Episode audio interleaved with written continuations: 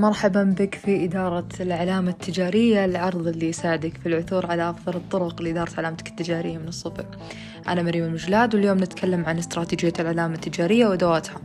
مع ضيوفي سارة الشعلان اللي تأخذنا عبر كيف تكون هوية لعلامتك التجارية وكيف تبني علامتك التجارية. وبسمة اللي بتعلمك كيف تطلق علامتك التجارية ورينات خالد اللي بتاخذك عن على البروسس بشكل عام. آه برضو عندنا نصائح رائعة في نهاية العرض. إذا تأكدوا من استماع طول all the way يعني. And uh, أتمنى أنكم تستمتعون. ريناد ممكن تكلمينا. إيش الأشياء الأهم اللي نحتاج نعرفها عن brand process طبعا هي ما تحتاج آه، جميع الجهود التسويقية المتعلقة بالعلامة التجارية عملية كاملة. مثلا آه، إحدى الشركات مثلا تقوم بتحديث مظهر موادها التسويقية بدون ما تغير موقعها في السوق. فما راح تطلب ذلك يعني ما راح تطلب معالجة كاملة للعلامة التجارية نظرا لأنه راح سيتم مراجعة فقط الجانب المرئي للعلامة التجارية فقط. يعني ما راح تحتاج الشركة آه، في مواقف شائعة آه، تتطلب عملية آه، العلامة التجارية كاملة مثل انطلاق شركة جديدة أو تغيير كبير في الاستراتيجية أو ظهور ميزة تنافسية جديدة. وتنقسم عملية العلامة التجارية لخمس مراحل اللي هي ال brand strategy brand identity brand tools و brand launch و brand building وراح نعرف سياق كل عملية وإيش يصير في كل مرحلة ونستكشف بعض الاختلافات الشائعة وعوامل النجاح المهمة.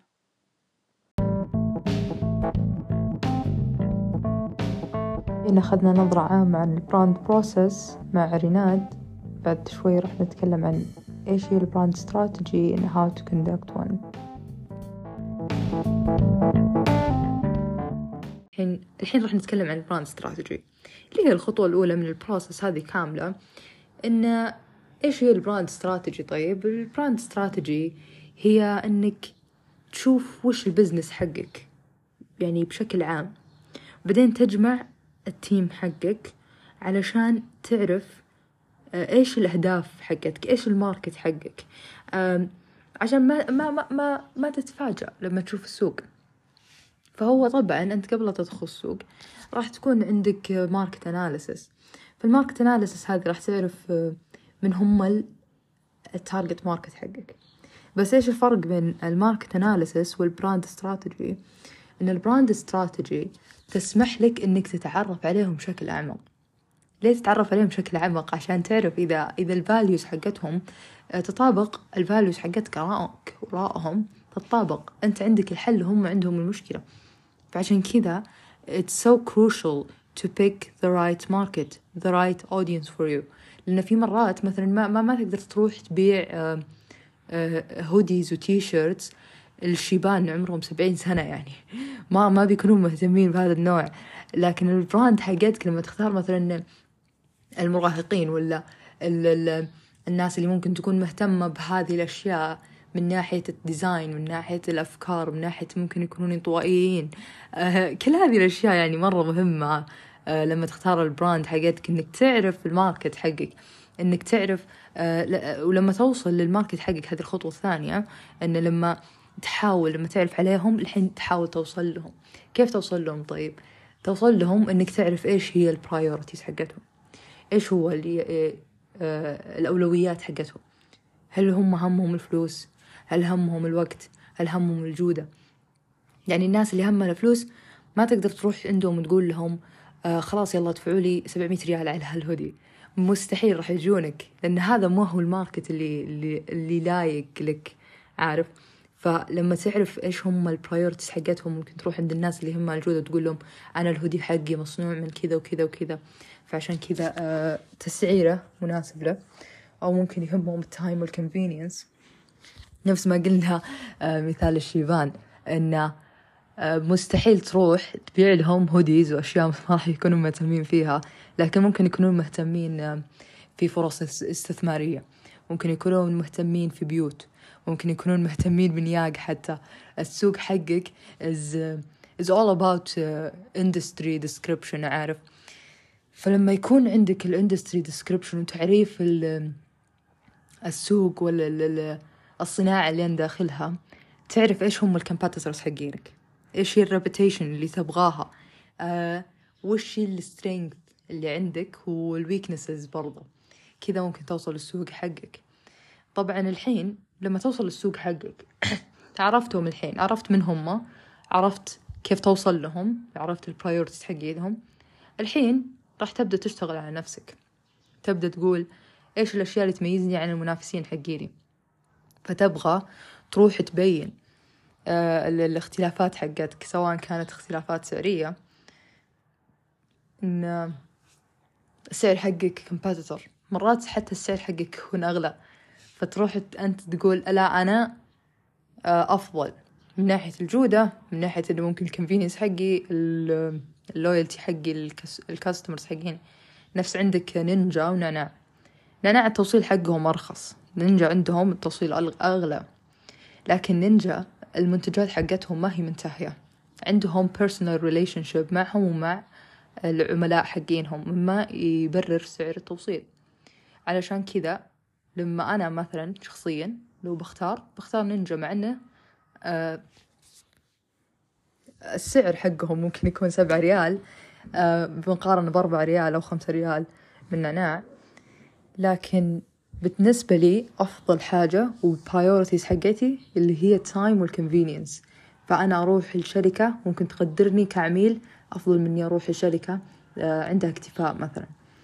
فهذه آه نينجا بينوا بينوا الفروقات اللي بينهم إن عندهم personal relationship مع مع الكاستمرز حقينهم.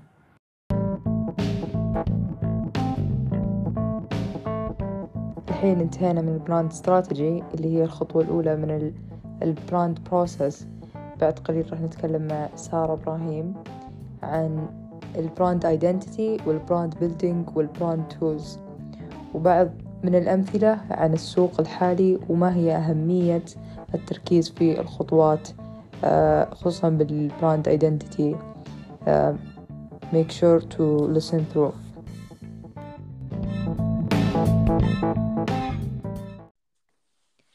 مرحبا. الحين راح نتكلم عن ال brand identity وال brand building مع سارة إبراهيم. كيفك سارة؟ الحمد لله بخير تمام. تقدرين تعلمينا إيش هي ال brand identity بالضبط؟ طيب في هذه المرحلة إحنا نحول ال brand لشيء يعني مادي. بتقول لي كيف؟ يعني هوية البراند تتضمن عدد من العناصر المرئية شيء إحنا نشوفه. زي اسم شعار لون طريقة الكتابة الصوت سطر الوصف مثلا آه، ال logo logo مميز زي أبل. سطر الوصف مثل أنا أحب ماكدونالدز. مثلا ألوان جوجل كيف حروفها بالألوان كيف تويتر مربوط في العصفور والتغريدة. فكل هذه أشياء تميز فيها أكثر من brand عندي. فال brand لازم يتميز عن غيره ويختلف حتى لو أنهم يقدمون نفس الخدمة. طيب أعطيني مثال عن ما أكثر من ماركت ماركتين يقدمون نفس الخدمة لكنهم مميزين. مثلا عندي ماكدونالدز وبرجر كينج. كلهم في مجال الوجبات السريعة لكنهم مميزين ومستمرين لوقتنا هذا. مثل كوكا كولا وبيبسي نفس الخدمة لكنهم شركتين مختلفتين ومتميزين عن بعض. فهنا في فرصة لها تضيف نقاط تميزها وتختلف عن منافسيها. يعني للأسف بعض البراندات ما تبدع وتختار أشياء مألوفة وهذا اللي يخلي معظم العلامات التجارية الناس تنساها أصلا. فهوية العلامة هي عندك فرصة نادرة إنك أنتي تتميزين وتختلفين. وعشان نحافظ يعني على هوية هذه البراند ثابتة وسليمة بمرور الوقت يعني شيء صعب. عشان ما نعطي مجال مثلا هذه المشاكل بعض الشركات يحطون يعني زي كذا كأنها خطة طويلة الأمد آه كل موقف وكل تغيير يصيرون يعني ضامنين وضعهم إن شاء الله.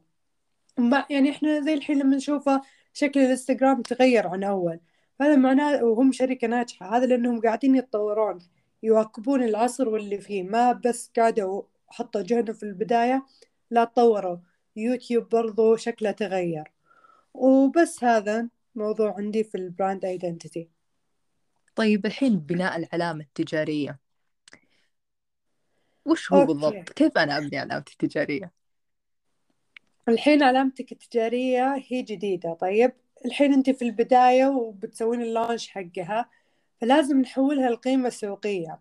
فكثير من الشركات يغلطون ويحطون يعني الجهد كله في البداية بس عند إطلاق ال brand. بينما الأفضل أن هذه الفلوس اللي أنت أصلا كلها حطيتها في الانطلاقة تترتب على program مستمر طويل الأمد يعني. فلازم تكون مستمر ومتفاعل وتتطور وتح... وتحسن وتواكب العصر اللي أنت فيه. فنشوف كثير مثلا يبدون business لكنهم يسحبون على التفاعل والتطوير والحين الكل ناسيهم. بينما ناس نفس ما ذكرت مثال اللي قبل ما زالوا مستمرين لأنهم يواكبون العصر. فمهم جدا أنك ما تركز بس على البداية لا أنت عندك program طويل وتواكب العصر اللي أنت فيه. طب ليه غلط التركيز فقط على انطلاق ال brand؟ لأن إذا أنت ركزت على البداية فقط يعني الشيء عشان الناس يعرفونه ويتذكرونه لازم يكون باستمرار ويكون في تذكير مستمر. الناس تعرف هذا ال brand وتتفاعل دائما في الأحداث والأشياء اللي تصير وتواكب العصر الحديث. فإذا أنت أصلا ما سويت هذه الأشياء الناس كلها بتنساك يعني. زي الحين ال brandات القوية اللي إحنا نعرفها بادين من زمان ومستمرين إلى الحين بسبب أنهم دائما يواكبون العصر اللي إحنا فيه ودائما يتطورون. فعشان كذا فهذا أهم شيء في بناء العلامة التجارية إنك تكون تستمر وتطور. وبس هذا اللي عندي ببناء العلامة التجارية. شكرا مرة سارة إبراهيم في مرة أشياء مفيدة وممتعة. طبعا ال brand identity ما تكتمل بدون ال tools حقتها صحيح؟ وش هي هذه ال tools؟ ال tools مثلا ال business development حقهم ولا ال website ولا الإنترنت حقهم. آه هذه ال external brand اللي تجي قبل قبل ال brand launch tools هذه هل هي مهمة بال brand identity؟ أكيد مهمة لأن لو بدونها أصلا هذه ال tools كيف بنطلع ال brand identity كيف بنبرز نفسنا؟ أصلا كيف بنشتغل عليها؟ مرة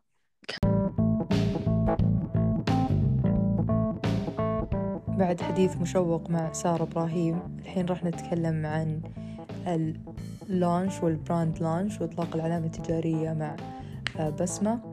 فحتكون segment مرة مثير للاهتمام. الحين مع بسمة راح نتكلم عن مرحلة إطلاق العلامة التجارية وال brand launch. مرحبا بسمة كيفك؟ أهلا فيك. آه أنا بسمة وبتكلم عن المرحلة الرابعة اللي هي إطلاق العلامة التجارية. آه أولا يجب أن تعرف بأن طريقة تقديمك بعلامتك التجارية الجديدة يؤثر على المدى النجاح العام حيث يجب عليك شرح علامتك التجارية لفريقك. كي لا تضيع في حال تم استبعاد المحترفين من العملية. أيضا يجب تثقيفهم آه تثقيف الموظفين آه قبل الانطلاق الخارجي. وبذكر لك أهم الموضوعات. آه لماذا احتجنا إلى علامة تجارية جديدة وما هي الفرص التي سنخلقها؟ اثنين كيف تتحدث آه كيف تتحدث العلامة التجارية الجديدة إلى جمهورنا المستهدف؟ إذا أجبت على هذه الأسئلة فتنطلقين انطلاقة صحيحة وناجحة لعلامتك. تكمن أهمية علامتك التجارية في بناء إجماع داخلي حول علامتك فإن تقديمك لعلامتك التجارية لأول مرة يجب أن يترك انطباع إيجابي تماما. مثل مين؟ آه مثل ما قامت مياه إيفال قبل سنة تقريبا أو أكثر بإطلاق علامتهم التجارية وجذب أكبر عدد ممكن من العملاء. أيضا عملوا ضجة كبيرة في وقتها. أتوقع شفتيه صح؟ أكيد. طيب. آه أو حتى بإمكانك طرح علامتك التجارية ببطء مع ضجة بسيطة أو حتى بدون آه على مدار أسابيع أو شهور في النهاية لك الخيار بالنهج المناسب لإطلاق علامتك التجارية. بغض النظر عن اختيارك للطريقة التي ستختار آه فإنه يمكن ويمنح فريق العمل لديك بالتحدث مع العملاء وكيف يمكن تلبي احتياجات السوق. وشكرا لاستضافتك. شكرا مرة بسمة. مرة كانت أشياء مفيدة جدا. م. وسعدت مرة باللقاء معك. يعطيك العافية.